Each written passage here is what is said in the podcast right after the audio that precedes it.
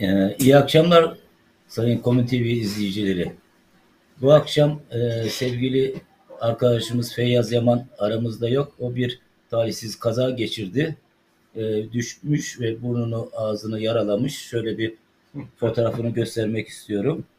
E, biz ona buradan acil olsun şifalar diliyoruz. Gerçekten Geçmiş olsun diliyoruz. Şifa diliyoruz, geçmiş olsun hep diliyoruz. beraber. Ee, bu akşam sanat ve nesneyi konuşacağız. Sevgili konuşmacı arkadaşlarımızı ben size tekrardan tanıtmak istiyorum. Sevgili Mehmet Güreli, sevgili Yalçın Karayaz ve sevgili Emre Zeytinoğlu ile beraber bu konuyu işleyeceğiz. Ve ben ilk sözü her zamanki gibi sevgili Emre'ye vermek istiyorum. Buyurun Emreciğim. Teşekkür ederim. Şimdi tamam. Ha, pardon bir dakika. Ha, evet. peki. Ee, bu arada Bir sergi de şey, anons evet bir sergi anonsumuz var. Onu hemen söylemek istiyorum. Yarın akşam e, Ada Sanatı. Ada Sanat'ta çok güzel bir alan isminde sergi var. Bunu e, küratör Federico Brauer, Brewer. Brauer e, düzenledi. Gogo Simili Yunanlı bir sanatçı arkadaşımız. Sanırım Ee, Türkiye'de Yorgo. Stamatakis ve Mehmet Güreli'nin üç kişilik bir sergisi. Bunu e, herkesi bekleriz. Bu Aznavurhan'da Galatasaray'da e, 9. kat Ada Sanat'ta 13 Mayıs 3 Haziran arası herkesi Uluslararası bekleriz. Bir sergi, Evet, uluslararası uluslararası sanatlar bir sergi aynı zamanda. Yani karşı sanatında iki kat üstünde. Evet aynı zamanda Komşu- Evet, şimdi- komşu sergi. Komşu sergi. komşu sergi. evet Emre'ciğim şimdi sözü sana verebilirim. Teşekkür Teşekkür ederim. ederim.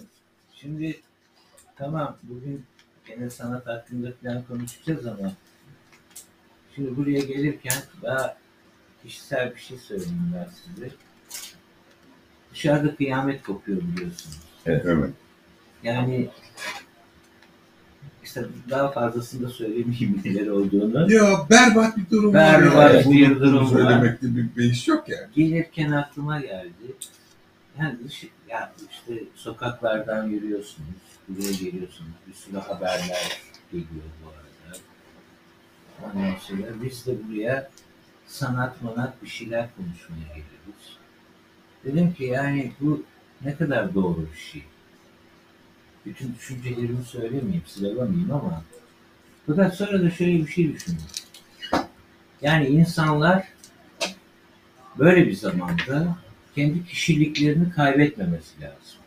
Herkesin bir bilgiye bir talip olma hali var. Biz bu bilgiye talip olduk. Ee, ve bu konularda konuşuyoruz. Bu konularda yazıyoruz, yapıyoruz ser- sergilerimizi vesaire. Şimdi eğer bunlardan vazgeçip de hakikaten sokağın gerçeğine e, iyice daldığımızda yani, yani tabii onu asla hiçbir zaman Dışlamıyoruz gözden ki. kaçırmamak lazım. Dışlamak ne demek? Yani asıl gerçeğimiz o bizim. Ee, ama bunun da muhafaza edilmesi gerektiğini düşündüm sonra ve biraz teselli buldum. Ha, Yani çünkü bundan vazgeçersek, yani kendi konularımızdan vazgeçersek, e, o zaman o kadar e, bilgiler düzleşecek ve homojenleşecek ki E, O zaman Bir zaten top- insanlıktan vazgeçmiş bir olursun. toplum olmaz böyle.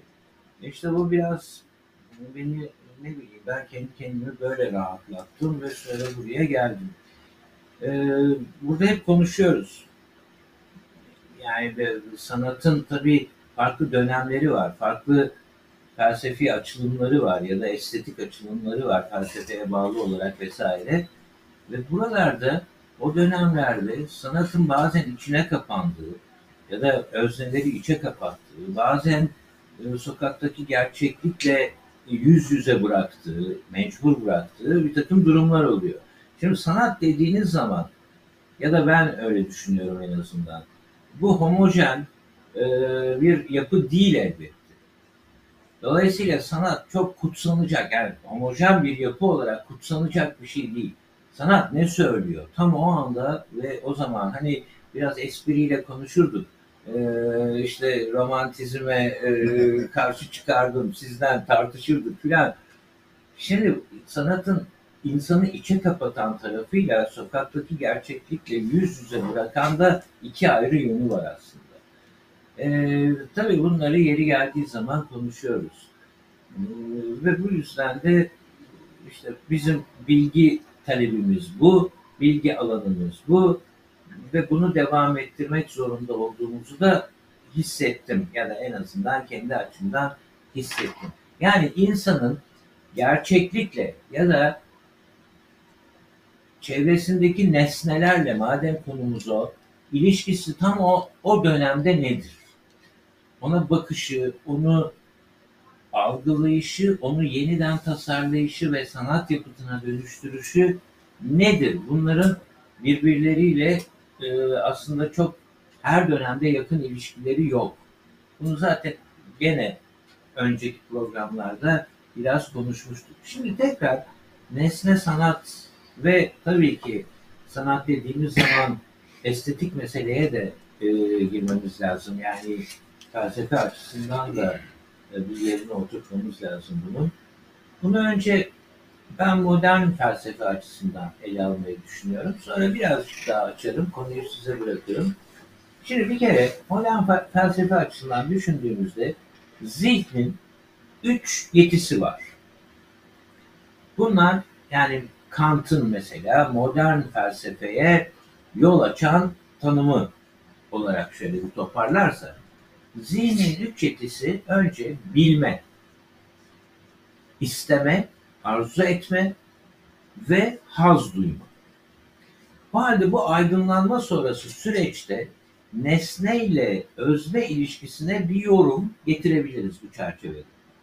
Duyularla algılanacak. Bunu da habire konuşuyoruz. Zaten estetik dediğimiz şey duyularla algılamadan başlıyor. Bilgi oluşacak. Sonra arzu duyulacak. Neye arzu duyulacak? Bu arzu algılanan nesneyi akla gönderecek. Arzu nesneyi akla havale edecek. Yani aydınlanma felsefesinin özne tanımına göre böyle bir durum var. Haz ise ondan sonra yani özgürce bir arzuyu, özgürce bir aklı ve özgürce bir hazzı oluşturacak özel olarak oluşturacak ve aktif bir duygu meydana getirecek. O halde nesne ile özne arasında şöyle bir formül ortaya çıkıyor. Bilen özne, nesneyi algılamış ve bilgilerini edinmiş bir özne. Bilinen bir nesne ve tasarım. Bu da Ama bu, burada mesela sanatçı, sanat yapıtı ve izleyici ayrımı da yapabilirsin. Çünkü şey, zaten tarif ettin aslında onu. Evet, şimdi evet yapabiliriz. Bunu konuşabiliriz. Şimdi e, bu çerçeveyi tamamlamak istiyorum. Onu daha sonra tabii ele almamız lazım. Bu benim söylediğim bilen özne, bilinen nesne, özne tarafından bilinen nesne ve tasarım dediğimiz şey ne demek? Şu, nesnenin özneye sunduğu şey. Mesela ben çok severim Ulus Baker. Hepiniz seviyorsunuz herhalde. Bu konudaki açıklaması çok özetle geçeyim. Şöyle diyor ki bu öznenin bilinen nesneye dair bir tasarımıdır. Yani kendi bildiği nesneyi yeniden tasarlıyor. Yani onun özne tarafından işte dediğim gibi özel bir biçimde nesnenin yeniden tasarımı. Ve şey e, yine Ulus Fakir'in e, şeylerinden, metinlerinden ya da konuşmalarından devam edeyim. Öznedeki tasarım diyor, Kant'a gönderme, Gönderme yapıyor. Öznedeki tasarım eğer nesnesine uygunluk gösteriyorsa, yani ben nesneyi düşünürken hakikaten nesneyle bir uygunluk sağlayabiliyorsam, yani nesne benim tasarımıma tekabül edebiliyorsa tersi, ilişkisi güçlü. bu en geniş anlamıyla gene bilmek demektir diyor. Bilmek, bilmekten genişleyen bir durum var. Ama bu durum farklı bir türde de işlemeye başlıyor. Yani benim yaptığım tasarım o nesne hakkındaki bilgiyi değiştirebiliyor mu? Ama nesneden ayrılmadan. Şimdi bunu biraz sonra bir örnekle vereceğim. Şimdi burada biraz karmaşık gibi görünüyor ama örnekte bu toparlanabilir. Tam da Ulus Baker'in söylediği cümle şu orada. Bilen öznedeki, nesneyi algılamış ve bilgilerini edinmiş öznedeki bilinen nesneye dair tasarım, onu yeniden düşünüp yeniden bir Kurmak. tasarım haline evet kurmak o nesnedeki bilgiyi değiştirebiliyor mu acaba? Yani görünür bilgiyi, daha önce klişeleşmiş bilgiyi değiştirebiliyor mu?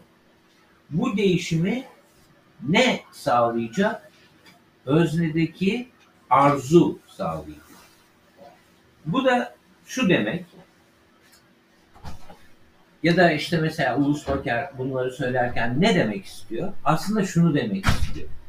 Eğer özne o nesneyi yeniden üretebiliyorsa, onu bir evrensel varlık halinde sunabiliyorsa, ona dönüştürebiliyorsa, işte o özne gerçek bir nesne tasarımı yapabiliyor demektir.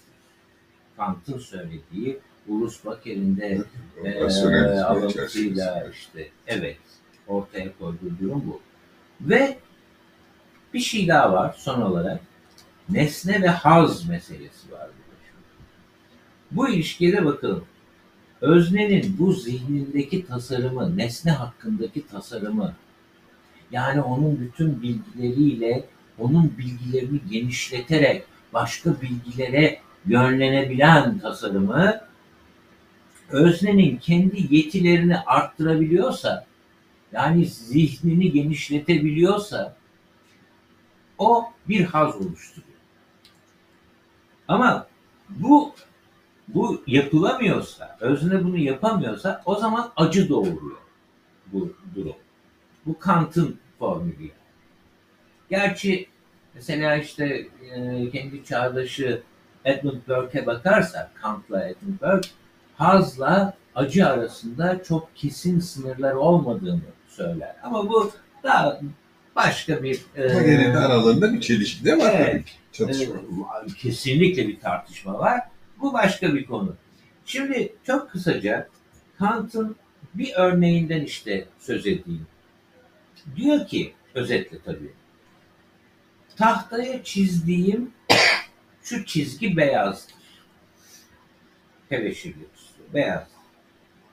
Ayrıca bu zorunlu değildir diyor. Yani başka renk de olabilir.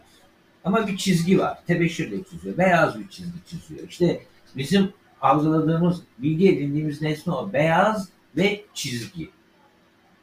Zorunlu değil ama beyaz olması. Çizilmiş bütün çizgiler beyaz değildir diyor. Ve bu arada yani başka renk de olabilir. Şimdi burada bir zorunluluk durumu ortaya çıkıyor. Ben bunu beyaz olarak algılıyorum. ilk anda. Nesneyi bir şekilde algılıyorum. Çizgi ve beyaz birleşmesini ilk algıladığımız anda inkar edemiyoruz.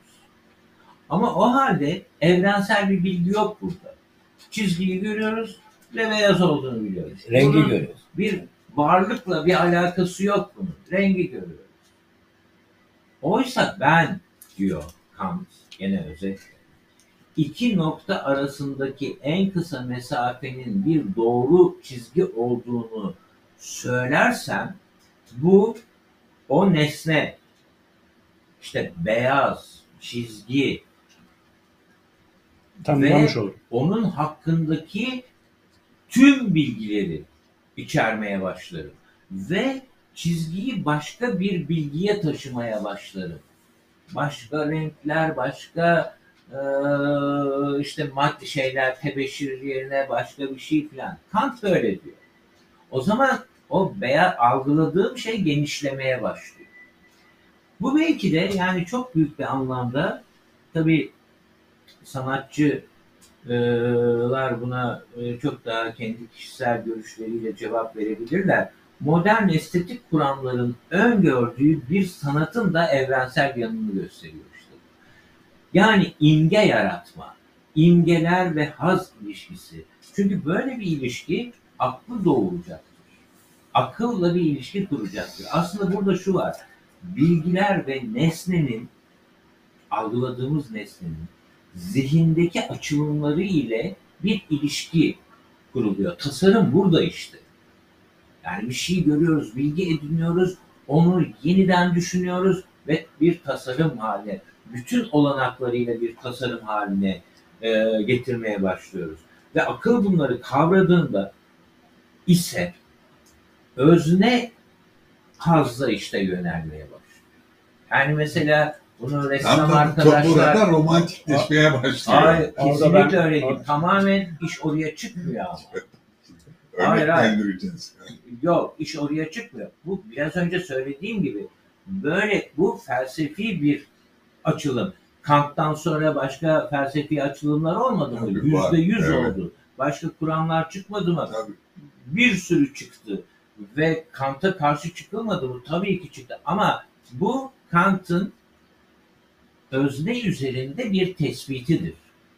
Ve felsefelere çok fazla karşı çıkmanın bir anlamı yoktur ama o felsefeler hangi dönemde, hangi koşullarda ve hangi şekillerde Tabii, uygulanıyor? Hangi şartlarda ortaya Evet, o çok önemlidir. Şimdi habire bunun da romantizme çıkması gerekmez. Çünkü bunu yani Ama çıkmış onu söylüyoruz. Ne yazık ki. o Kant'ın yol açtığı idealizm Tabii ki. çerçevesinde Evet. çıktı. Anti. Evet. Anti olarak bir Evet. şey çıkıyor. Dolayısıyla akıl bunları kavradığında işte, ise dedik ki işte hazza yöneliyor. Sanatın evrensel yanında bu hazla ilişkili olduğunu ya da hazzın bu evrensel yanıyla ilişkili olduğunda düşünmemiz gerekiyor tabii. Yani akıl nesne ile hazza yönelirken buradan devam edersek sadece kendi tasarımı yani bilgi edindiği nesne nesneyi nasıl genişletebildiği, olanaklarının ne olduğu üzerine tasarımını genişletebildiği durumda bu hazzı algılıyor. Bir özellik var burada. Kendi başına. Ve öznenin özelliğiyle sanatın özelliği burada evrensellikte burada çıkışmaya başlıyor işte. Şimdi o zaman yani ben Yani dogmatik düşüncelerin dışında nesneyi bilgi olarak e, almak ve onu yine özerk olarak kendi aklında e, şey yapmak, yani olasılıkları genişletmek. Başka e, sonuçları ortaya koymaya başlamak. Dogmaların dışında. Evet, pardon, Ben de buyurun. oradan alıp bir şeyler söylemek istiyorum. Bu aslında bu söylediğiniz özne nesne ilişkisini aslında Rönesans'ın biraz da amacıydı aslında. Mimesis kavramıyla birlikte. Aslında yeryüzündeki bu yaşadığımız bir çevreyen, bizi çevreyen dünyadan e, nesne, bizi çevreyen nesnelerle ilişkide aslında çok gerçekçi bir şey kurdu. Mimesis, öykünme e, öncelikli bir şeye dönüştü. Bu sanat eğitiminde de aslında biz yıllardır bu işleri yapıyoruz biliyorsunuz.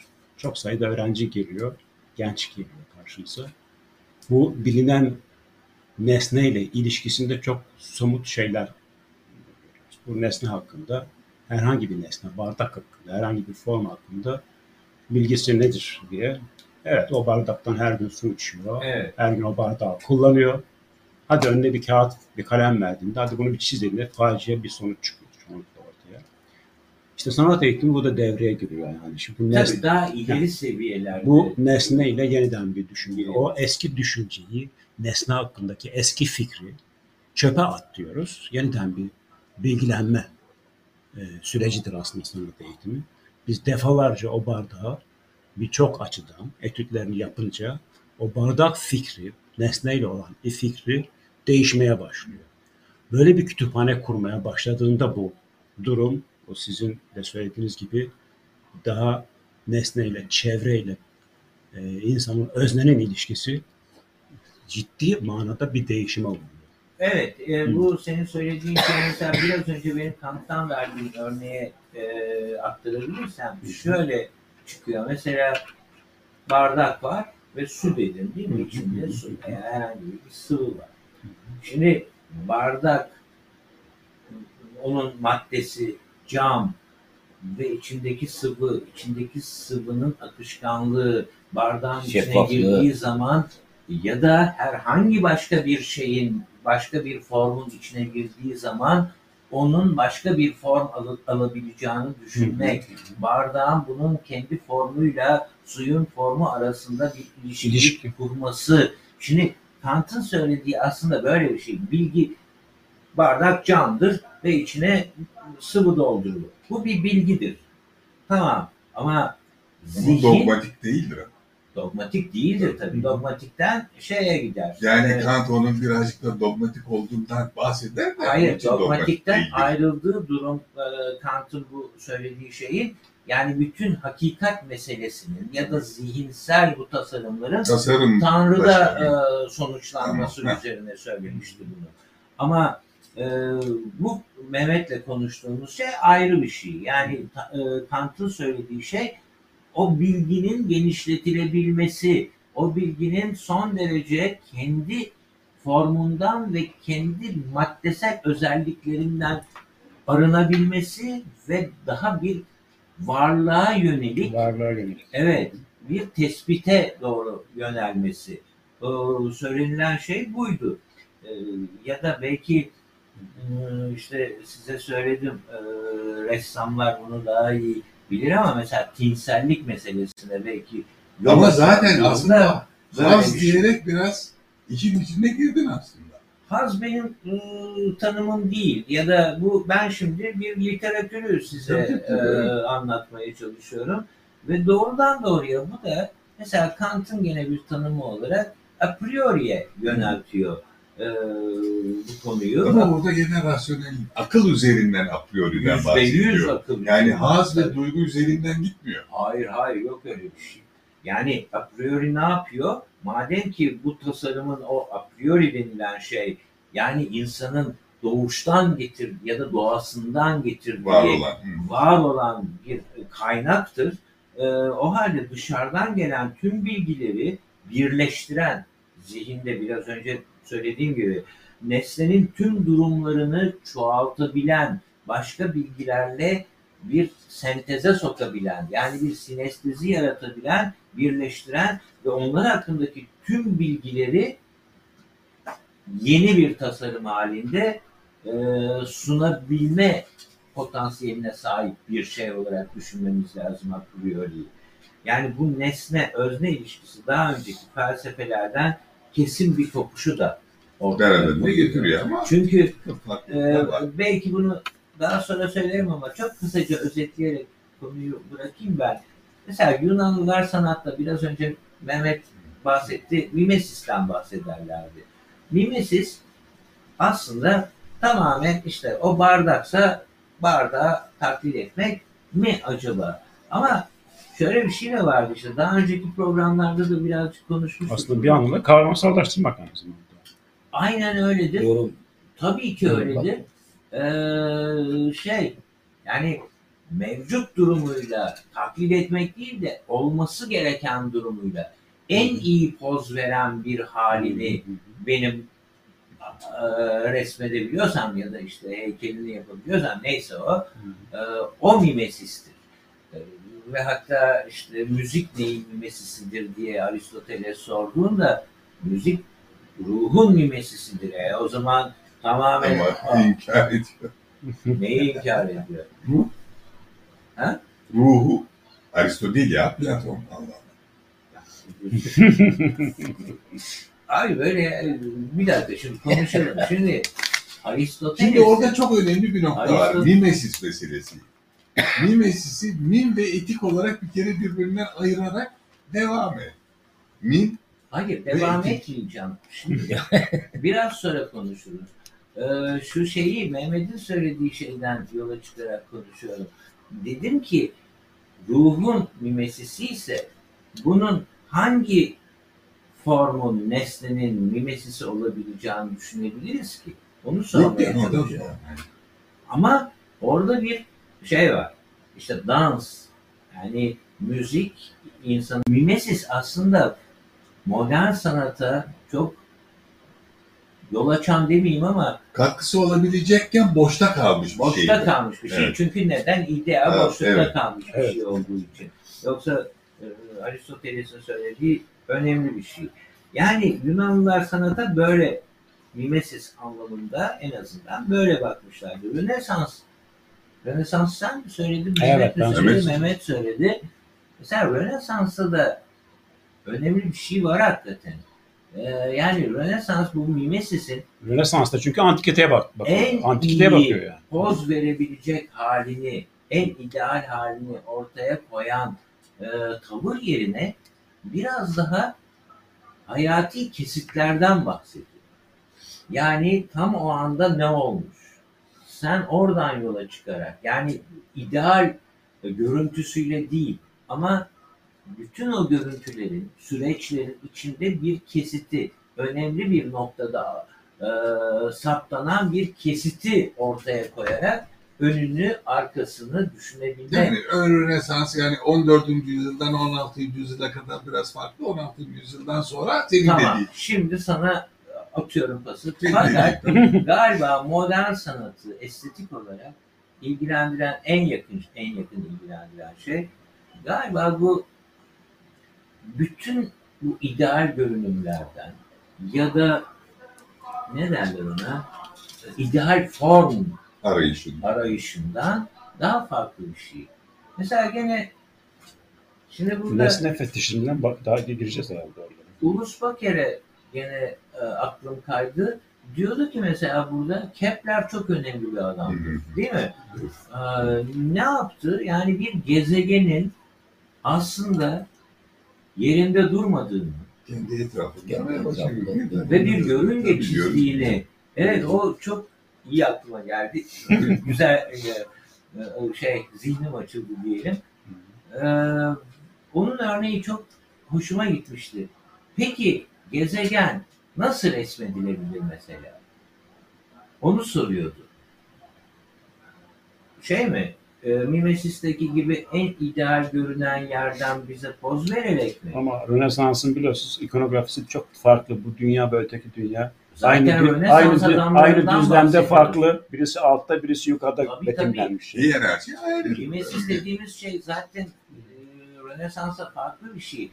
Ama Rönesans'ta bu Kepler meselesi e, yörüngeyi de mesela bu madde resmetmemiz gereken o madde diyelim ya da bilgi edinmemiz gereken madde yörüngeyi de içine almıyor mu? Yörüngenin bir maddesi, bir biçimi var mı? Biçimi var ama zihinde var. Zihinde var. Peki o gezegeni orbit ya da e, resmederken o yörüngeyi nasıl onun içine bilgi olarak oturtacağız? Yerleştirecek. Ha, şimdi bu Soyut kavramlar. doğru ya da imgeye doğru ya da e, evet senin söylediğin gibi soyutlamaya doğru giden bir şey. Şimdi ben burada kesiyorum. Size zaten ressamlara yeteri kadar asist yaptım ben yani. Fazlasıyla. Evet. Evet. Ee, Buradan fakat e, sonuna doğru siz bütün konuşmaları e, yorulup bitirdikten sonra başka bir boyuttan daha bahsedin. Tamam peki. Teşekkür ederiz Emre'ye. Ee, sevgili Mehmet konuşsun. peki Mehmet.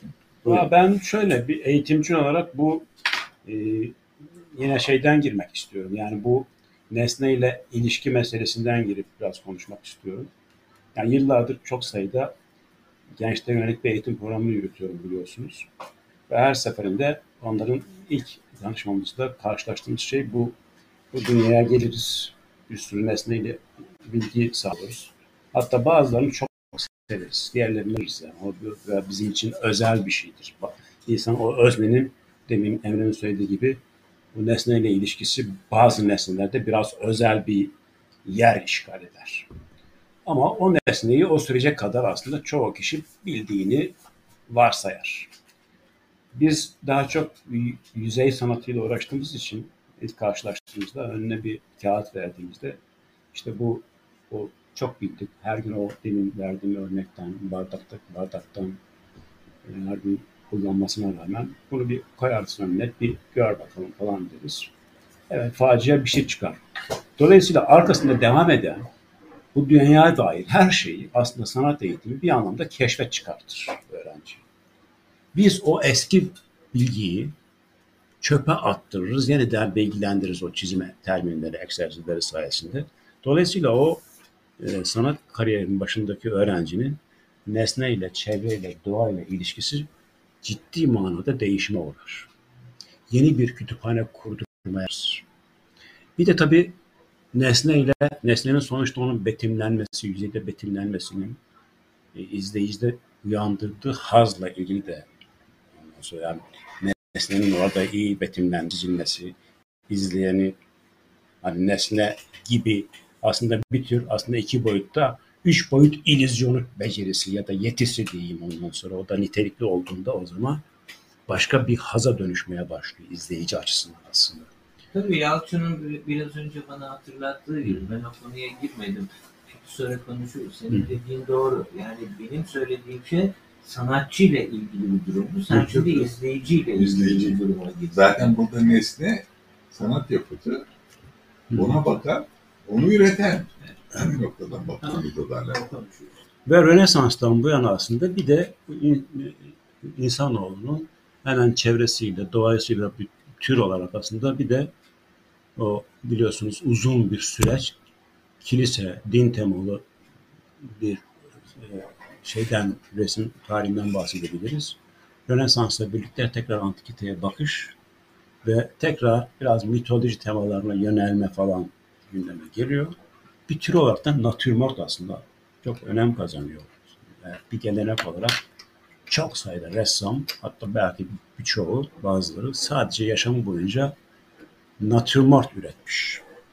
Portre gibi, peyzaj gibi, e, dini temalı resim gibi, mitolojik temalı resim gibi natürmort da aslında bir tür olarak aranan özellikle o dönemin elitlerinin e, Tabii 17.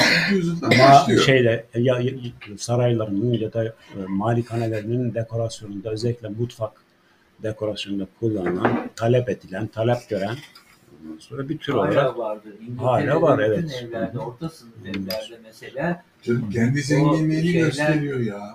Hayır be. Yani Ulan, gelenekselleşmiş artık o. Sen gibi falan değil.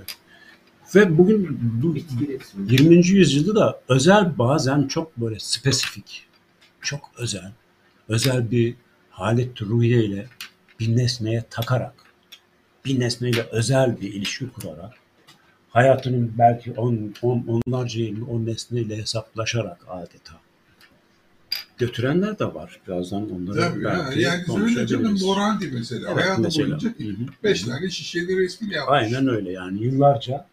Bu bazen hakikaten o takıntı, o kaliteli özel bir ruh haliyle takıntı beraberinde ya da Morandi çoğal, derken Giorgio Morandi George. diyelim tam isim olsun. evet Giorgio Morandi o takıntı da aslında beraberinde onlarca yıl devam eden şeyin ortaya ciddi başyapıtlar da ortaya Evet. çıkarmış.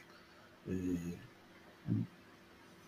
biraz münzevi bir kişiliğin aslında üretimleri bunlar aslında yani sonuçları.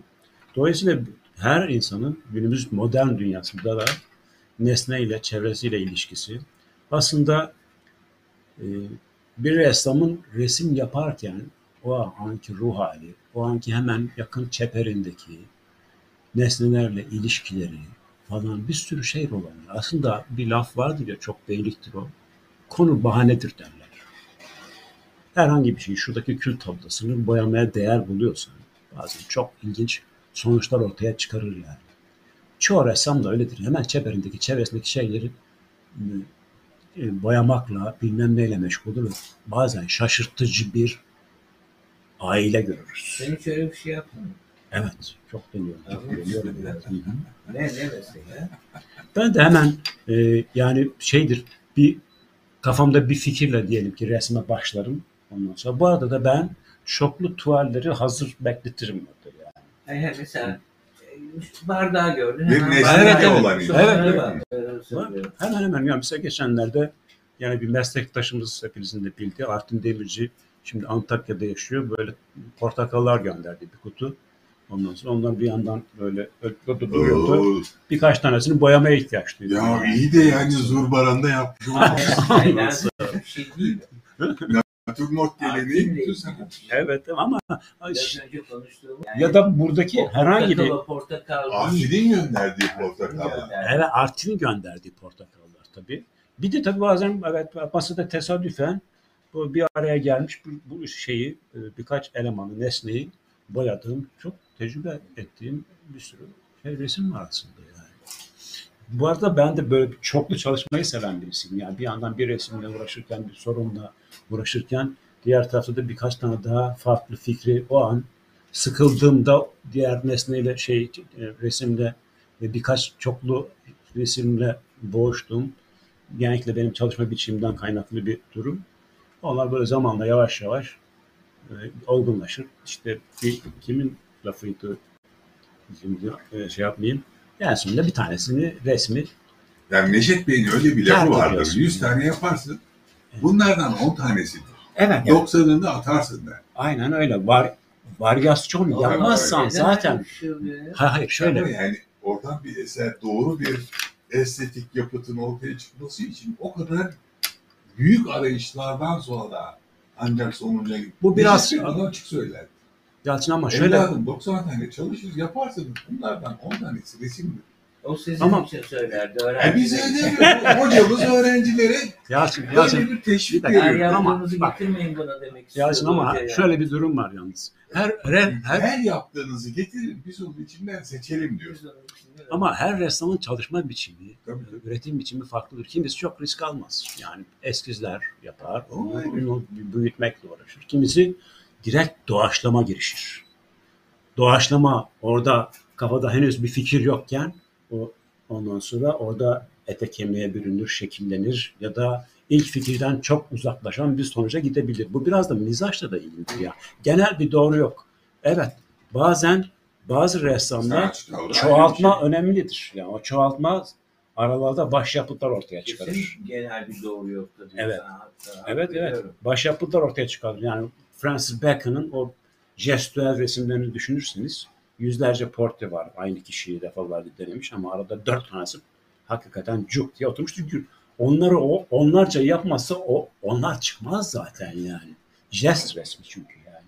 Dolayısıyla Fakat şu yok mu? Yani mesela onlarca yapmanın amacı acaba üf en sonunda bir ideale ulaşayım mı? Yoksa Yani- zaten yapıyor yani. zaten yapıyor. O kendi karar Aynen. vermiyor ki Evet, hangisinin en iyisi olduğunu. Zaten yapıyor. Yani bu e, şeylerden Aslında de çok- hoca tavrından da uzaklaşmak lazım. Yani. Bu hoca tane tavrı- yapmana bu- getir bir tane seçeyim. Bu hoca tavrı değil. Aslında Picasso ile ilgili bir belgesel var. Öyle 80'li yıllarda yayınlandı o. Çok da güzel. Passion of Picasso diye bir şey. Orada Picasso'nun resim yapma serüveninden bize anlatıyor hem de gösteriyor ekran. Picasso ama bir cam yüzeye resim yapıyor. Yani transparan bir yüzeye resim yapıyor. çıkıyor hem Picasso'yu görüyor hem resmi görüyor. Videoları falan Hı. da vardı. böyle. O transparan yüzeyde yaptığı resim yüzlerce kez değişiyor. Bizim mesela biz ben izlerken ha oldu ya acayip bir Bozma, şey. Dediğim bozma. anda bozdu. Bozma. Sürekli bozuyor. Yani onun için olana kadar o bozuldu, değişti, dönüştü, yeni bir şeye evrildi. Olana kadar mı bu büyük laf? O sanatçıya göre, Yoksa işte Picasso'ya O göre olana kadar. e, hoşlanıyor? Ya Bak, da o değişim mi ona O değişim sonsuz olmadı. O bir mu? tamam dedi. Bu. O Yok. tamam dediği yerde tam- onu, onun kararı ortaya çıkıyor. onu bilemiyorum. Yani gün doğdu, kendi yoruldu. O Bıraktı, onu bilemeyiz. Bilemeyiz. Evet. Evet, devam ediyor musun Mehmetciğim? Yoksa Yalçın e, aldı, Yalçın'a- devam ediyordu. Şimdi ben bir kere Emre'ye hakikaten sana teşekkür ederim. Yani çok acayip bir yerden giriş yaptı. Giriş Çok yaptı evet. İyi bir giriş yaptı yani. E, Valla yani çok eleştirim var. Çok karşı çıktığım nokta da var ama müthiş bir başlangıç yaptı. Mehmet sağ olsun yani çok ciddi tamamladı. Bugün içinde yaşadığımız belki bu açmazları hani sanatçı öğretim elemanı ya da sanatçı, hoca, öğrenci yetiştiren insanlar ve karşısına gelen sanat eğitimi almak için gelen insanlarla arasındaki bir şekilde bu aşılmaz uçurumdan nispeten bahsetti. O da günümüz koşulları ve yaşadığımız ülkenin saçma sapan nedenlerinden. Sana çok basit bir örnekle başlayayım aslında. Yani şunu söyleyeyim bir kere net olarak. Sanat tarihine baktığımız zaman Kant rasyonalizmi 14. Quattrocento denilen yani o da tuhaf bir şey. Yani İtalyanlar Quattrocento diyorlar. Biz onların 14. yüzyıl diye tabir ettiklerini biz 15. yüzyıl olarak algılıyoruz. Çünkü kastedilen o olarak görüyoruz. Yüksek Rönesans'ın 15. yüzyıl Yüksek Rönesans'ının o rasyonalizmi Kant'la direkt örtüşemiş. Ama o Rönesans geleneği ideal olan, ideal olan derken o ideali sadece estetik, güzellik anlamında ideale ulaşmak değil, pür ve rasyonel, reel gerçeğe ulaşmak, Evet. hakikate ulaşmak. Evet. Yani insan bedeninin ölçülerinde dahi. Evet. Orada da Mehmet gibi antikiteye referans Yani yaparak idealize edilmiş bir durum. Hep onun için o altın oran meselesi ortaya çıkıyor. Ölçülendirme işte bilmem ne falan filan. Matematik formüller gibi. Yani rasyonalizasyon matematik formüllere kadar gittiği için özellikle 14. yüzyılın ikinci yarısından 16. yüzyılın birinci yarısının sonuna kadar yüksek Rönesans dediğimiz dönemde bütün sanatçıların temel ilkesi. Hele bunun manyakları var. O manyaklardan çok önemli birisi o bildiğimiz büyük isimlerden mesela Leonardo, Michelangelo, Rafael bilmem ne demiyorum. Ama Paolo Uccello diye bir adam var. Aklını tamamıyla perspektife, onun dik çözümlerine takmış birisi. Hayatı onun üzerine kurulu. Yani San Romano savaşlarını düşün- düşündüğümüzde onlar da üç versiyon ayrıca. Yani bir tanesi yetmiyor, çözemiyor. İkincisi, üçüncüsü var. Şimdi bunları yaparken bir de Kuzeyde Rönesans diye Avrupa kuzeyinde gelişen İtalyan bir Rönesans'ın gelenek, dışında ayrı bir gelişen gelenek. başka bir Rönesans var. Orada çok enteresan bir adam var. İsmi çok fazla bilinmez. Tam da işte orada senin o galaksilerin yörüngeleri Kepler meselesi noktada hani Galile dünya yuvarlaktır demiş Kepler'de işte dünya demiş güneşin etrafında bu bilmem ne Evet, o Hem kendi- ayırmamak Ha, lazım. hem kendi yörüngesinde hem güneşin etrafında dönüyor falan demiş ya.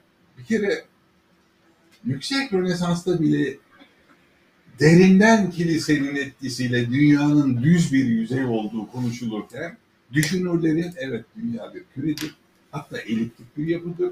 Dolayısıyla hem kendi etrafında bir yörünge oluşturur hem de güneşin etrafında galaktik sistemde bir yörünge oluşturur dediğini dünyanın yuvarlaklığının döner olduğunu bir Rönesans ustasında isterse kuş bakışından Bruegel'de mesela çok vardı değil mi Bruegel'in kuş bakışından? Yani tepeden bir mevzuya bak. Hiçbirinde dünyanın yuvarlaklığına dair en ufak bir ipucu görmezsiniz. Ama bir İsviçreli ressam var. Çok bilinmez bizde. Konrad Witz. Kutsal balık avı diye bir resim yapar. İncil'den bir tema.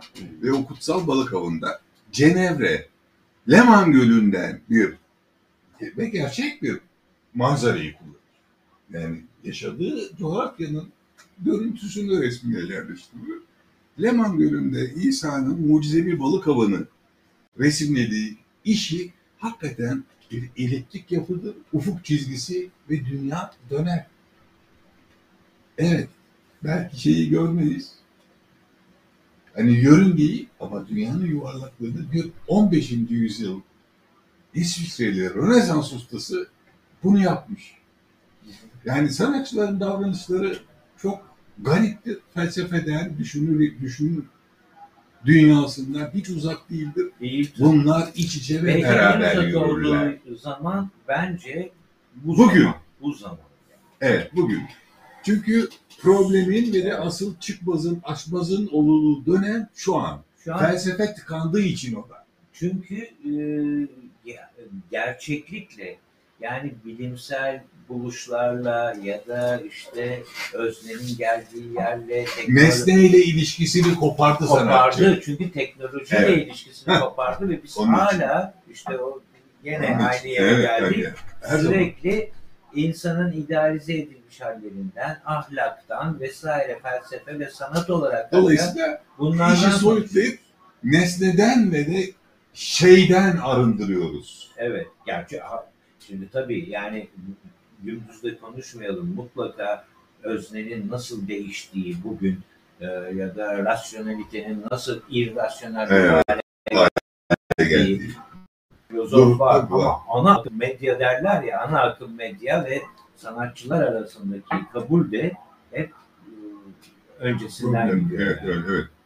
Orada tabii süreç aslında çok şey. Yani baktığımız zaman nesne ile sanat arasındaki ilişki insanı sanat yapıtından çıkarırsa yani ilahi olan yaratımı, tanrısal bedeni sanat yapıtlarımızda geriye hiçbir şey kalmıyor. Sanatçının nesneyle teması yok. Nereye kadar? 17. yüzyıla kadar yok. Nesne başat eleman değil. Hiçbir zaman sanat yapıtında. Yani nesnenin bilgisinin genişlemesi söz konusu değil. Değil. Biraz Çünkü mevzusu o değil. Çünkü kutsal metinler ona öyle emretmiyor. İlahi olan ona öğretmiyor. Dolayısıyla kilise de ondan bunu istemiyor. Hem kilise istemiyor, hem aristokrasi istemiyor, hem kent soylular istemiyor, hem derebeyleri istemiyor. Yani 15-16. yüzyılın Avrupa'sına baktığımızda kent soylu bir sosyolojik yapı var. Yönetici sınıf, ataerkil, babaerkil, neyse aristokrasi, oradan oğluna geçen bir toprak beyliği, kaba tabirle bizdeki neredeyse ağalık rejimi gibi ama o da değil. Çünkü bizde şey yok. Öyle bir kent devletleri diye bir şey bir zaman olmadı. Belki bunu Selçukluların beylikler dönemine bağlayabiliriz. Yani benzerlik orada olabilir.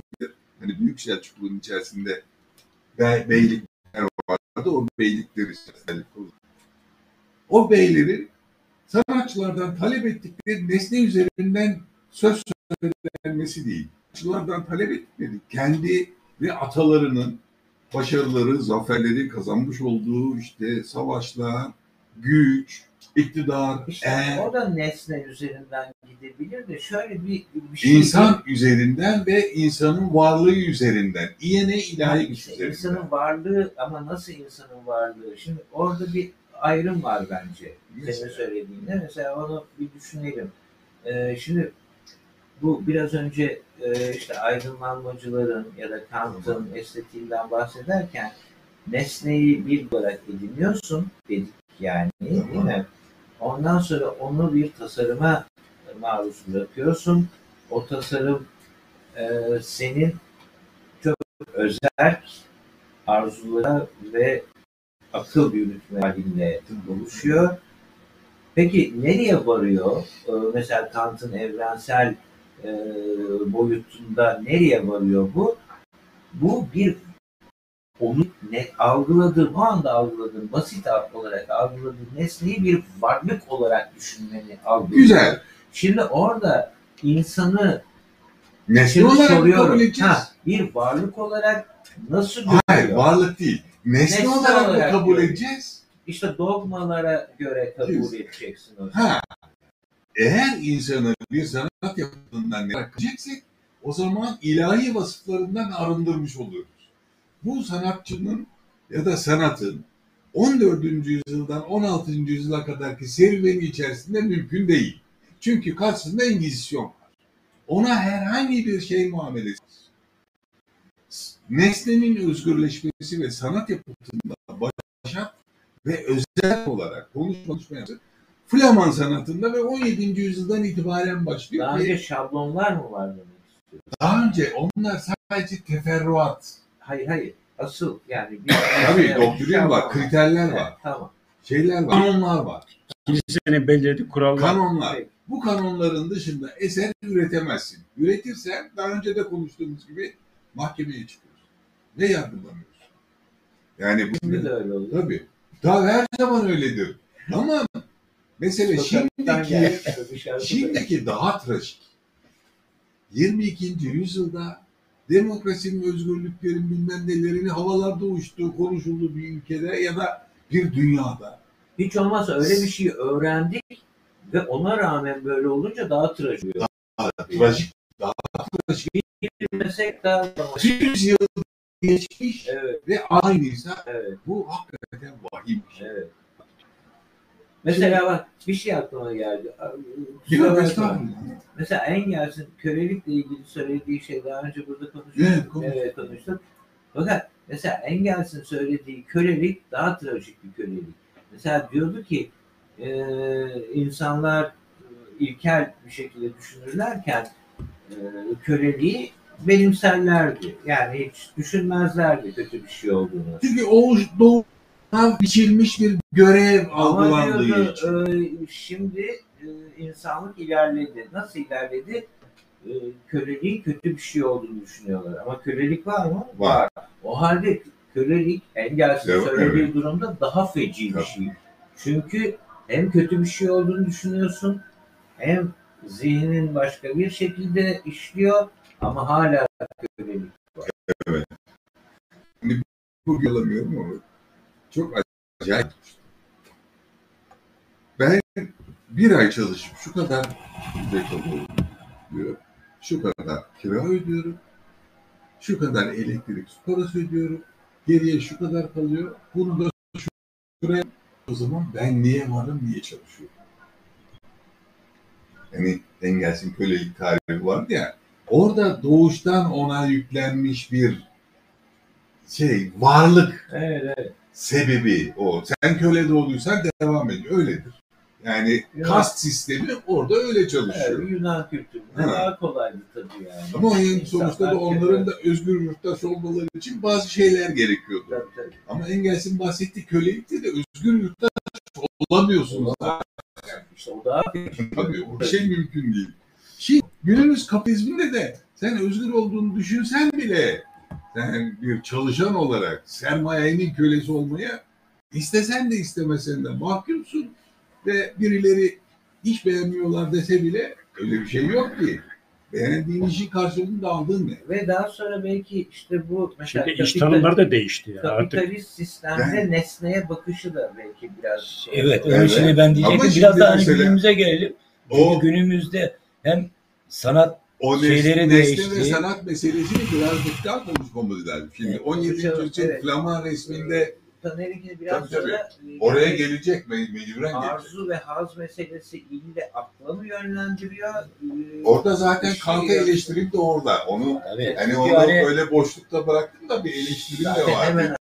Şimdi o zaman hani bir tek diyelim olarak. ki heykelle resim vardı. Sinema yoktu. Belki o Nemesis'ten bahsederken müzikten dedin ya için. Sinema için ne diyebilirdi mesela? Ya da Yani öyle bir şimdi şey diyemez. e, Onlar işte tamam, değil ilgili şeyler o. Ya önümüzde. Yazlık villa, otomobil markaları bilmem neler için ne diyebiliriz? Cep telefonları Tabii, için. tabii, tabii. Aynı Yani- hazzı veriyor yani. Evet. İşte onu söyledim. Şimdi ha, Evet pardon. Yok estağfurullah. Bu şimdi aslında 17. yüzyıl hem Flaman bölgesi ama özellikle İngiltere'de bu nesne fetişizmi, nesnenin başat olma özelliği 17. yüzyıl ismi denilen türü içerisinde, gündelik hayatın içerisinde ayrı bir alan olarak açıldı. Bu ayrı alan olması da işte mülkiyet,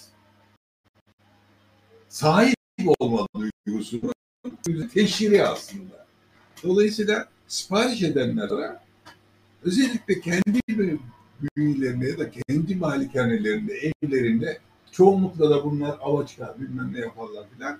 Bu sadece evdeki eşyalar ve nesneler üzerinden gitmez. Daha çok da av hayvanları üzerinden o toprak ağalığı güçlü bir şekilde izleyiciye anlatılmak istenir ya da izleyiciye de değil de işte gelen misafirlere, konuklara evlerini döşerler, dayarlar bilmem ne. Tuhaf bir şekilde ama bu 17. yüzyılda Flaman bölgesiyle birlikte aynı zamanda İngiltere'ye kayar. Mesela İtalyan resmi geleneğinde ya da İtalyan sanatı geleneğinde 19. yüzyıla kadar böyle bir gelenek yok.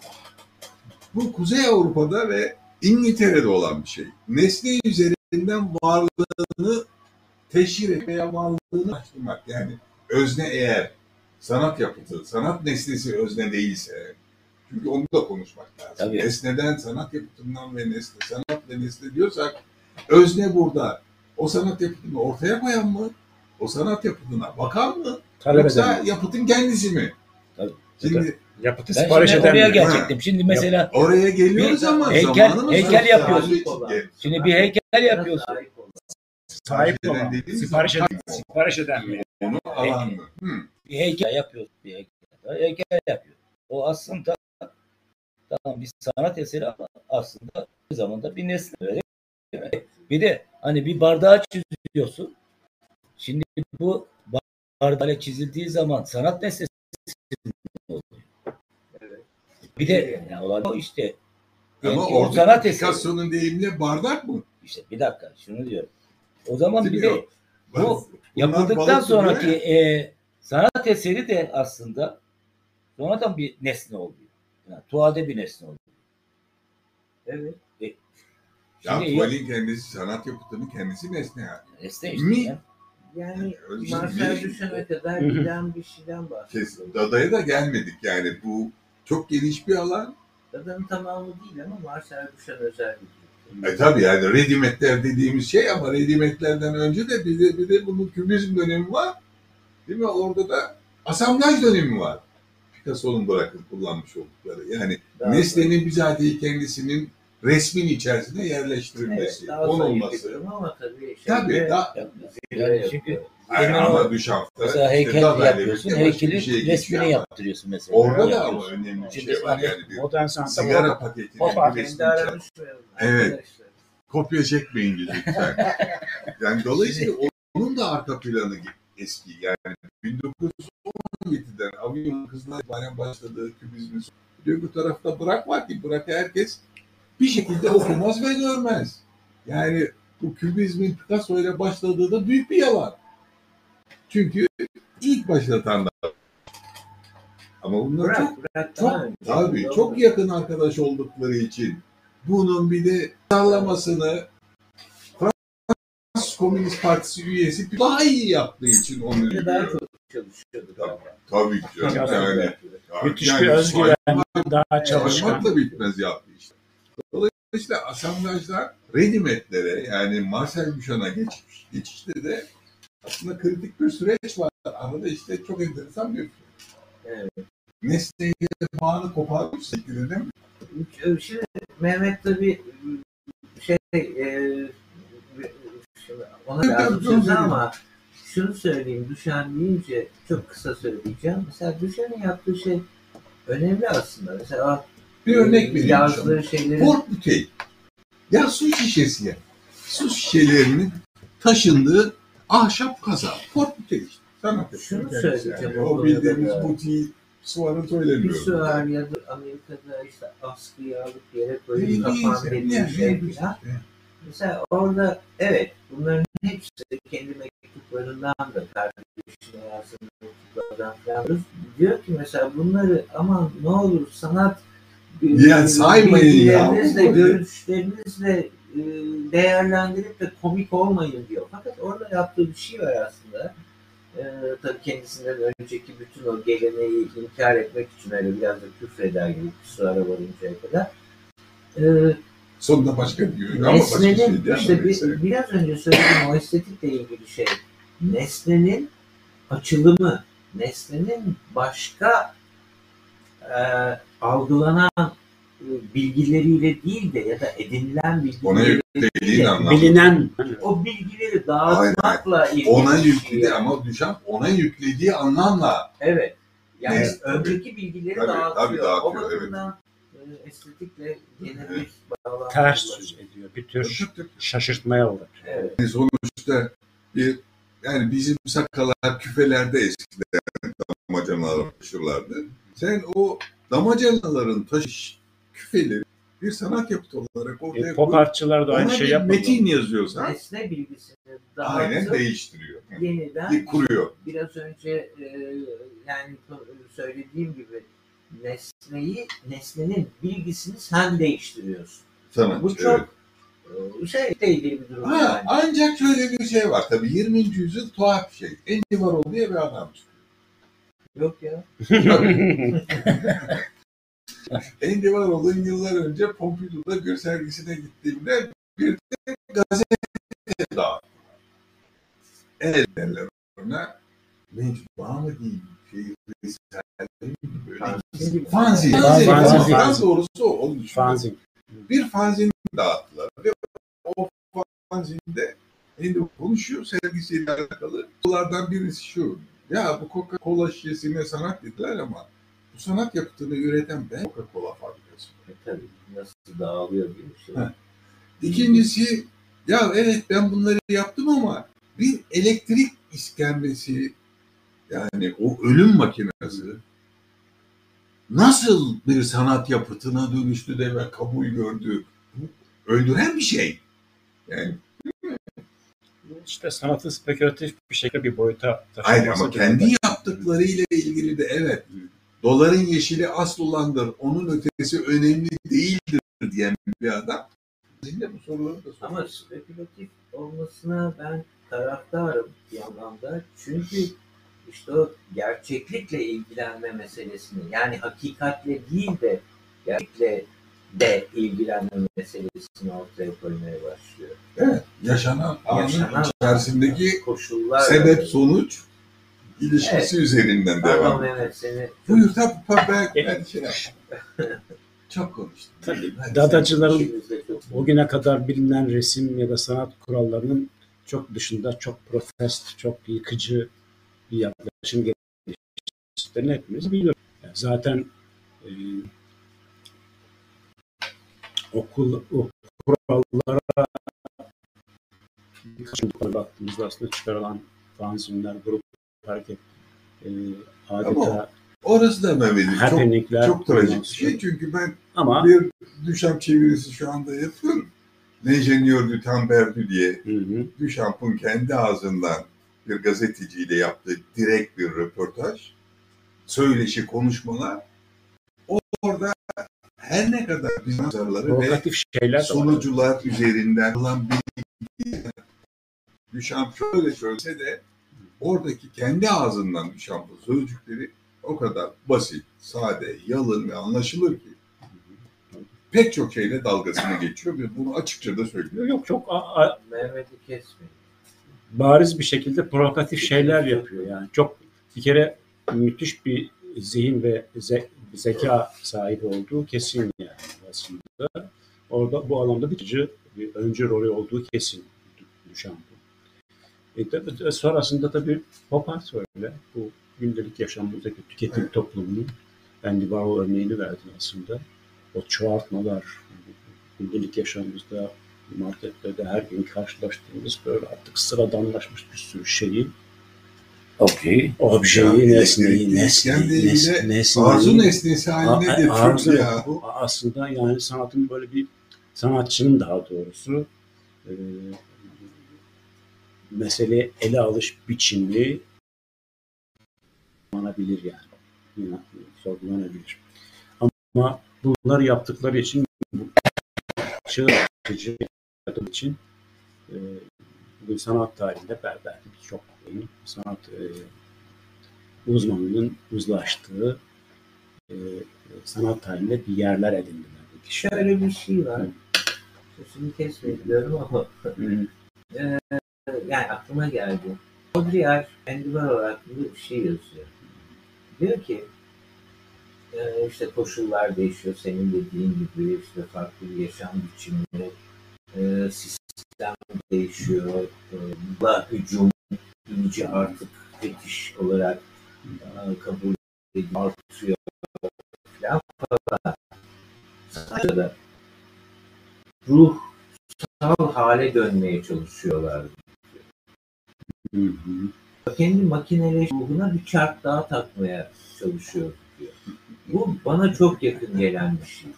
Çünkü bir çark daha takmak demek e, dönemin tam gerçekliğini kavramak ve ona uymak demek. Charlie Chaplin'in modern zamanları. Aynen Evet, değil mi? modern zamanlar. Bravo. Çok iyi bir örnek.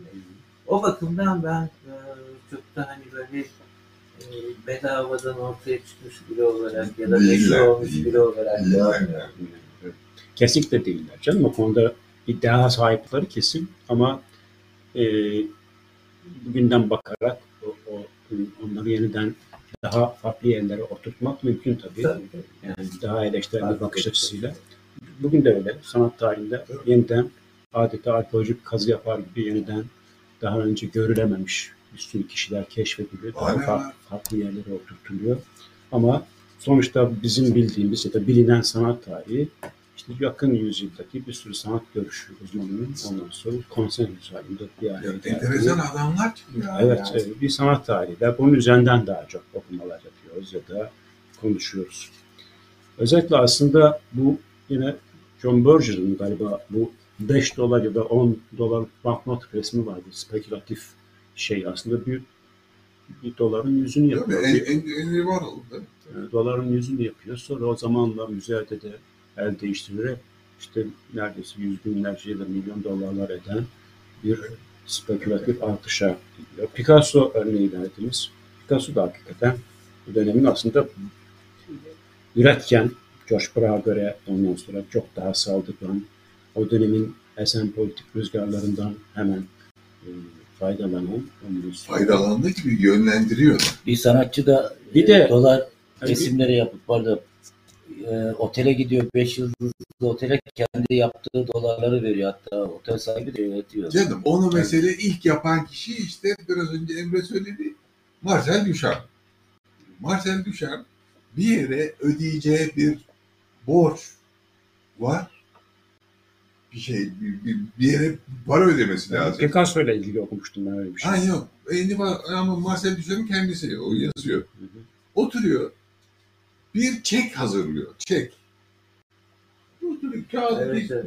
çeki hazırlıyor. Her şeyini tamamlıyor. Üstüne rakamı yazıyor. Miktar yazıyor. Götürüyor veriyor. Muslukçuya bile onu veriyor. Ödemeyi öyle yapıyor. Hı? Ve bedavaya getiriyor her şeyi. Tabii. Çünkü Evet. altında Picasso'nun imzası var. Aynen öyle. Herkes alıyor çeki. Çeki, çeki bozdursak mı acaba saklasak mı? Çerçeveleyip saklasak mı? Çoğunlukla Picasso'nun. Biraz Bizde de Murat Sinkin yapardı onu. Ha. Hmm. Tabii. Eski Burhan Uygur yapıyor. E işte Evet. Ve kabul edilirdi yani.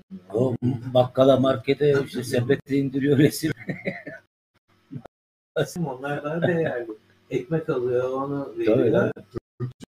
Ekmek işte o sıralar. Ekmek alıyor. Hem de sepete koyuyor. Sepetle çekiyor. Ya e, Mehmet'i Yani kestik. bu sonrasında arada. fotoğrafizmle ilgili aslında Yalçın biraz konuşsun yani. İçeriyle nesneyle ilişki realistlerin de yaptığı önemli işler var. Ya iyi de senin, sen senin de o, o mimarda o damarda yürüyorsun yani. Sen- şeyler yapıyorsun. sen sözünü çok şey iyi bir şekilde tamamlamadın. Üstünden attın şimdi böyle meseleyi.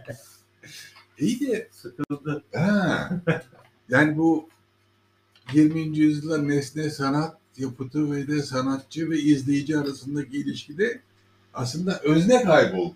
İşin tuhaf tarafı o. Yani özne üreten mi, izleyen mi, yapıtın kendi nedir özne? Felsefi olarak da özne kayboldu. Bu anlamda baktığımız. Belki de hiç kaybolmadı oldu. Özne kaybı. Öznenin daha önce idealize edilerek yazılmış klişeleri tarifi vardı. Yani ondan evet. Zaten öyle bir şey yoktu. Evet tamam. Ama bu da yani felsefenin geçmişle ilgili ciddi bir hesaplaşma demektir. Zaten yok. Onu yapıyorlar zaten. Yani bütün derdimiz o. Şimdi- Biraz önce de onu söylüyorum. Şimdi 20. yüzyılda. Evet. 20. yüzyılda bu tamam. Öznenin daha önceki tarifi kayboldu değil mi? Doğru. Evet, herkes o tarifleri... Bu güncel sanat ve çağdaş sanat denilen meselenin yok. içerisinde yok olan özne dünyasında ama mesela bir referans var. Senin aslında Kant'ın rasyonalizmiyle ilgili nesneye yüklenen anlam üzerinden söylediğin cümleye dair Magritte işleri var biliyorsun. Ceci n'est pas.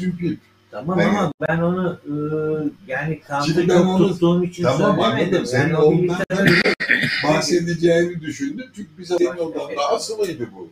o semiyoloji üzerinden okumalarınla ilgili. Yani anlatıyorsun.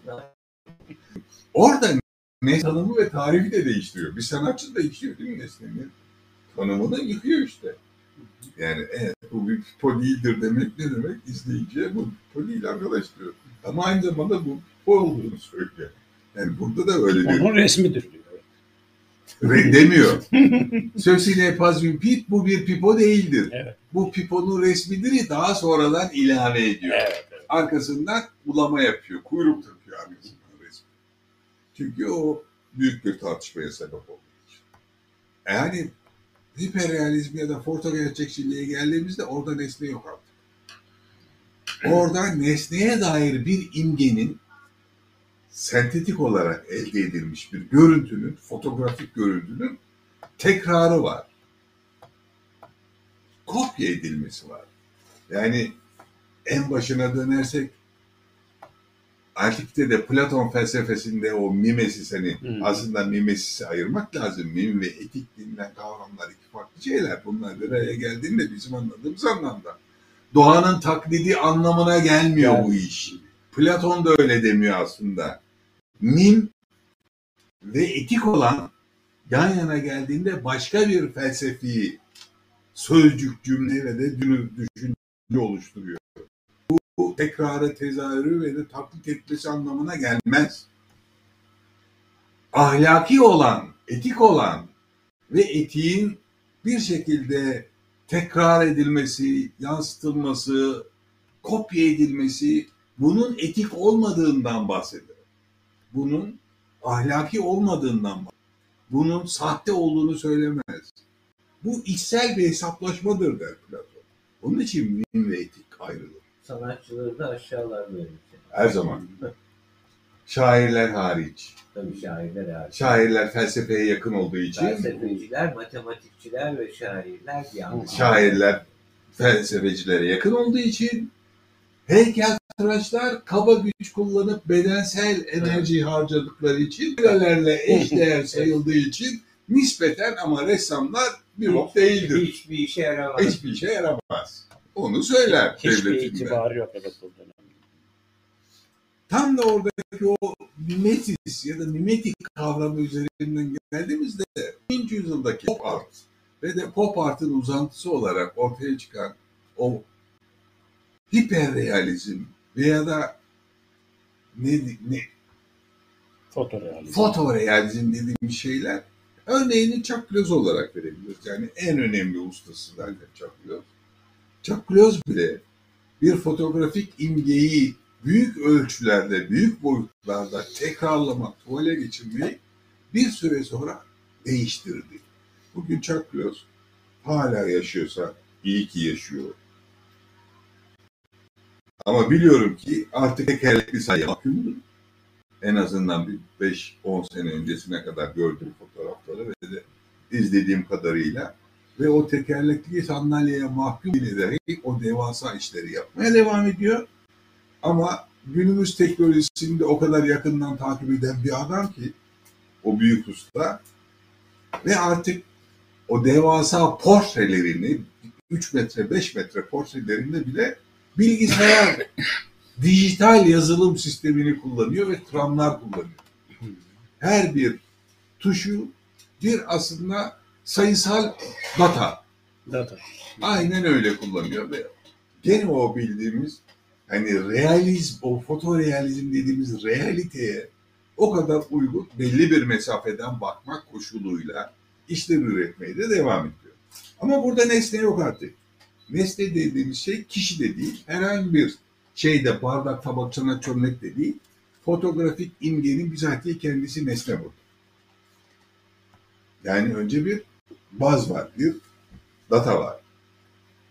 Dolayısıyla oradaki nesne mevhumu hem hiperrealizmde hem de pop art'ta, fotorealizmde kendisi sorgulanır hale geldiği için imgenin bir şekilde kayda geçirilmiş bir imgenin görüntüsü üzerinden hareket ediyor. Senin Nesne bertaraf şey edilmiş durumda. Mehmet, pardon. Şimdi aslında de- yani elbette bu geçenlerde biz bir sergi üzerine bir, biraz kafa yorduk. İşte bir peyzaj üzerine bir Hı. yakınlarda yarın açılışı olacak. Ha, bir şey daha söyleyeyim abi. O- Onu da söyleyeyim de bu senin tamamlayıcı olur. Biz hep şey derdik mesela natürmort mesela sen o natürmort'tan bahsettin. 17. yüzyıl falan resminde özellikle bu jan resmi içerisinde önemlidir dedik. Ama natürmort geleneği neoklasisizmle birlikte yani 16. yüzyılla birlikte hem natürmort en büyük histoire, pentür histoire dediğimiz tarihi resim hem de peyzaj. Ama tarihi peyzaj geleneği akademik anlamda üç farklı disiplin olarak devam ediyor. Yani büyük tarihi resim geleneği, büyük tarihi peyzaj geleneği ve natürmort akademik hiyerarşide ayrılıyor. Natürmort Alman bölgesine gitmeden de Kuzey Avrupa'da ama Güney, Güney Avrupa'da bu var ama o tarihi resim geleneği, pentür d'histoire geleneği içerisinde bir alan, bir dal olarak var. Flaman bölgesinde özgürleşiyor. Ben şey söylemek istiyorum. Yani bu 20. yüzyılda atom fiziğinin yani atom parçalamasından sonra m, çok şey değişti. Bugün metaverse dediğimiz bir dünya var. İnsanlar artık farklı şeylerle de kendilerini ifade etmeyi ama genel manada bu yer kürede yaşıyorsak hala bu yer küre 20. yüzyıldan 16. Konuşmam 15. lazım. yüzyıldan Hasbihal itibaren var. bir 14 11'den itibaren elbette bir değişime dönüşümü vardı ama çok böyle devrimsel bir dönüşüm yaşamadık hala. Evet bu yerkürede yaşayan insanlar büyük kentler kurdular. O kentlerde artık yaşıyorlar. O kentsel mekanda çevreden etkilenerek e, daha çok e, e, resimlerini ya da yaptıkları şeylere on- onu odağına alıyorlar. Bu peyzaj sergisinde bunu düşündük biz. Yani 14-15. yüzyıldaki manzarayla doğa manzarasıyla bugünün manzarası çok değişti. Bugün artık otomobiller, karayolları, geçitler, işte bilmem Evet. neler gibi manzarayı da değiştirdi Algı yani. değişiyor. Algı değişti. evet. Çünkü koşullar Silüet değişti. Ee, şey Le Corbusier'in söylediği şey Paris'i diyor artık e, böyle tepelerden falan seyretme imkanınız kalmamıştı. Yani söylediği zaman 1925 otomobil pencerelerinin peyzajından seyredecek, çerçevesinden seyredeceksiniz artık. diyor. Evet bir de 20. yüzyılda bizler müthiş bir veri bombardımanına maruz kalıyoruz. Yani televizyonlardan, çok kanallı şeylerden, verilerden, akışlardan, bütün bunlardan şey yaparak e, ürettiğimiz şeylere bunlar da yansıyor. Ama sonuçta tematik olarak bir bakarsak yine hala insan yer kürede yaşıyor, çevresini de değiştiriyor, dönüştürüyor, bazen mahvediyor, e, yok ediyor, dolayı da bozuyor ama e, sonuçta insanın bu değişen dünyadaki dramı ve tematik olarak konularda çok değişmiyor aslında yani. İnsanın hala bu insanın yaşadığı bu yeni dünya dü- şeyinde sisteminde ya da çağdaş e, ya- yaşamda yine benzer sorunlar yaşanıyor, yaşıyor, aşk yaşıyor, acı, ölüm acısı yaşıyor, travma yaşıyor, bilmem ne yaşıyor. Bunlar hala filmlere, edebiyata, resme ve diğer alanlara bir konu oluyor aslında. Ne oluyor ama bu edebiyat, resim, işte film dediğin şeyler değişiyor. Evet. Ve değiştiği müddetçe de yani yeni, yeni sanat e, durumları ortaya çıktığı müddetçe de bazıları e, işte bunları reddediyor. Böyle sanat olmaz ya ama halbuki senin söylediğin çok doğru. Her şey değişiyor. Ve sürekli bir değişim, bir akış içindeyiz. Ve etrafımızdaki nesneler değişiyor. Nesnelerin Şimdi biraz sonra bir şeyden bahsedeceğim. Nesne artık kendi kendisini üretmeye başlıyor. Evet. İn- insanın e, şeyinde değil bu ne derler e, inisiyatifinde olan bir şey olmamaya başladı. Şimdi peki bunun sanatı ne? Daha önce de işte biraz değiniyorduk. Çağdaş sanat mesela bu konulara daldığı zaman ister istemez e, bu sefer e, bu sanat değil falan gibi bir şey ama yani sanat veya değil başka bir şey söylüyorum. Bunlarla ilgilenmek lazım işte. Yani. Kesinlikle. Bu önemli bir şey. Nesne hakkında pardon sözünü kesmeyin ben araya girdim. şey aslında m, bu bizi bu koşullarda, bu şartlarda yaşıyorsak ve bu süreçlerden de etkileniyorsak bu da ister istemez yaptığımız her şeye yansıyor. Öyle E, tabii. e, bugünün Sanata da yansıyor. sanata da yansıyor, yaptığın resme yansıyor, yaptığın müziğe yansıyor. Özellikle 20. yüzyılda bu özellikle başlarda bu fütüristlerin aslında bir gelecek ütopyası açısından bayağı bir umut var, şeyleri vardı, ütopyaları vardı biliyorsunuz. Makinaların sesi, sanayi Evet. toplumunun, endüstriyel çağın insan, E şimdi bugün insan yaşamını kurtaracağı falan iddiası ve algoritmalarla şeyi var, şeyi vardı. Oysa görüldü ki endüstriyel çağ aynı zamanda doğayı da mahveden bir çağ.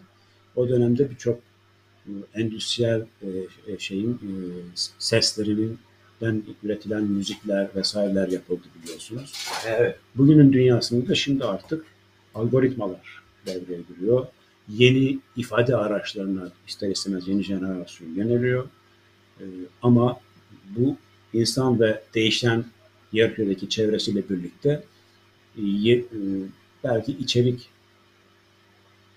belki çok değişmiyor ama teknoloji değişiyor.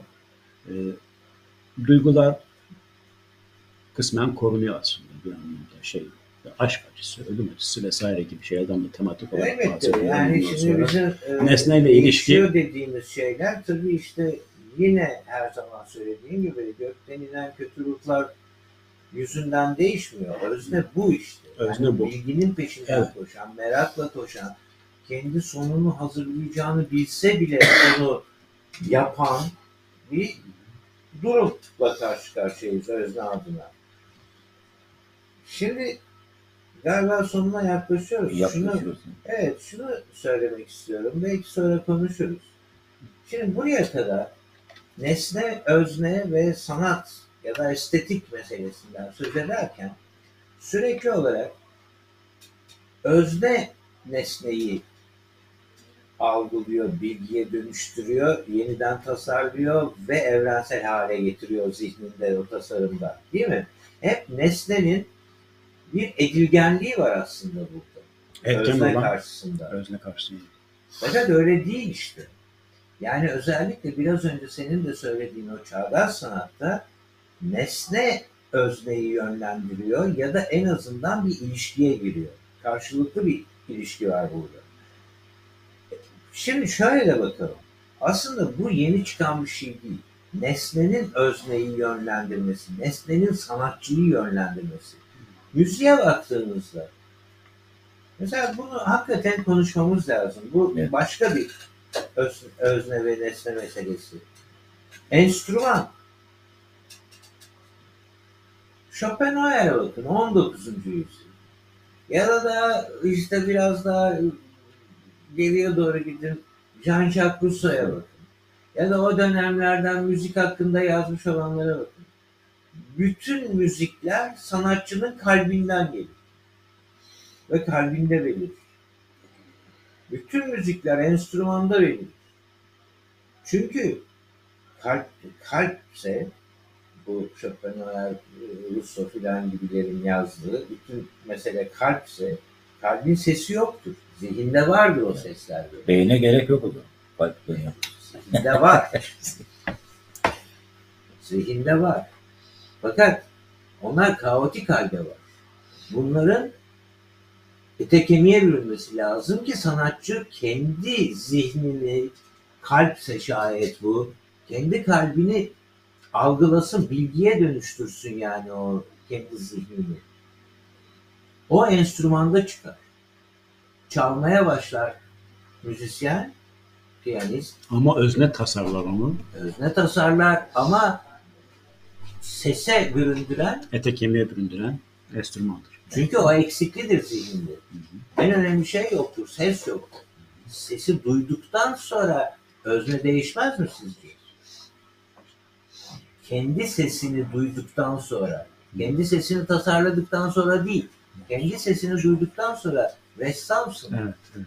Tuvalin başına geçiyorsun. Hepsi zihninde var. Tak diye kalıp halinde oraya geçiyor mu? Yoksa çalışırken o değişiyor mu? Değişiyor. Onun bir şeylerin peşine düşüyor musun? O hiç bilmediğin bir şeylerin O tasarlamadığın. bahsettiğim üretim süreci. O, o, evet. Üretim süreci enstrüman işte. Nesne Evet. Yani enstrüman sanatçıyı yönlendirir. Bu bu kadar basit. Yani sanatçı tasarlar ve küt diye yapar. Nesneyi değiştirir, nesneyi bilgiye dönüştürür. Bilgiyi tekrar tasarlar ve tekrar bir sanat yapıtı oluştururlar. Çünkü bakın en son şunu da söyleyeyim. Diyelim ki müzisyen ya da bir piyanist efendidir. Sen dedin ya ilk önce o tasarlıyor. Evet. Piyano nedir? Köle. Ee, Peter Benz diye macar bir piyanist vardır. Çok önemli bir piyanist. Diyor ki mesela tabii biraz ironik bir şekilde ya bir piyano on parmağımız var sonuçta yani. İşte ne yapıyorsak o. Olur mu hiç öyle şey? Öyle değil. Ama sesi duyduğunuz anda demek ki o enstrüman size bir yanıt veriyor. Zihninize ait bir yanıt veriyor. Ama orada arka planda çalışan, o enstrümana gelip oturan ama arka planda bilgi birikimi, müzik birikimi, ses ya da bir şey anlamında Onların hepsi eksik. hepsi- Asıl önemli öznede- olan öznede- müzik yok orada. Müzik. Duymuyorsun kendi müziğini sen. Duymuyorsun. Yaptığın resmi görmüyorsun. Zihnimde ne resimler var. Var mi öyle sanatçılar? Evet. Ama işte yapamıyorum. Ama yok. Zihnimde ne müzikler var. Ama Eyleme geçme anı. eksik olan şey, idealleşmiş olan şeyi sana nesne verir. Yani Hatta bir düşünürler ki ideal kafada kalan ben düşünce öyledir. nesnededir. Evet. İdeal ben Kafanda nesnededir. böyle- Ayna görevi yapar. Ve o karşılıklı Aynen. ilişki Resimdir. ya da müziktir. soru cevap Doğru. ve o köle sen efendiysen efendi olabilmen için Hegel gibi düşün. Aklıma geldi. Efendiysen köleye ihtiyacın vardır ki efendiliğini bilesin. Köle olmadan senin efendiliğin olmaz zaten. O soru cevap meselesi senin eksik tarafını tamamladıkça ideal benini de nesneyle paylaşırsın. Bu bu kadar böyle hani gene idealize edilecek bir şey değildir yani. Bu başka bir konuşmadır ama nesneyle ve sanatla ilgili bir durumdur yani. Bunu da aklımızın bir köşesinde tutalım. Programımızın sonuna geldik. Sonuna geliyoruz. Evet. Sayın Komün TV izleyicileri ben şimdi senin görevini ya peki. Şimdi Yalçın arkadaşımız dışarıya çıktı mecburen hastaneden telefon bekliyor. Kardeşi hastanede Bugün de yatıyor. nedir ya? Feyyaz kaza Enteresan. Yalçın evet. hastaneden telefon. Ben de bugün joker olarak O buradayım ya. mecburen kalktı. Yo. sen artık Peki o zaman e, şimdi şey yapalım. Bitirişe gelelim. Zaten saatimiz de doldu. Ben kapanmadan bir Can Yücel şiiri okuyup geceyi öyle bitirelim. Galata Köprüsü tir tir titriyordu. Bunlar beni de asma köprü yaparlar diye. Yüreğinin dubalarını geniş tut ihtiyar. Sen nice dayılar gördün bugüne kadar. Hepsi de sürüye sürüye peşlerinde azameti böbreki kalpak köstekiyle geçip tarihin hayvanat bahçesini boyadılar. Çok İyi teşekkürler. akşamlar. Tam da bugüne yani sokakta olup bitene Onun için o. ait bir şey. Ee, bizi izlediğiniz için çok teşekkür ediyoruz sayın Komün TV izleyicileri. Sizlere iyi akşamlar diliyoruz. 15 gün sonra buluşmak üzere. Neşeyle kalın, mutlu kalın. kalın. iyi Hoşça kalın. İyi akşamlar. İyi akşamlar.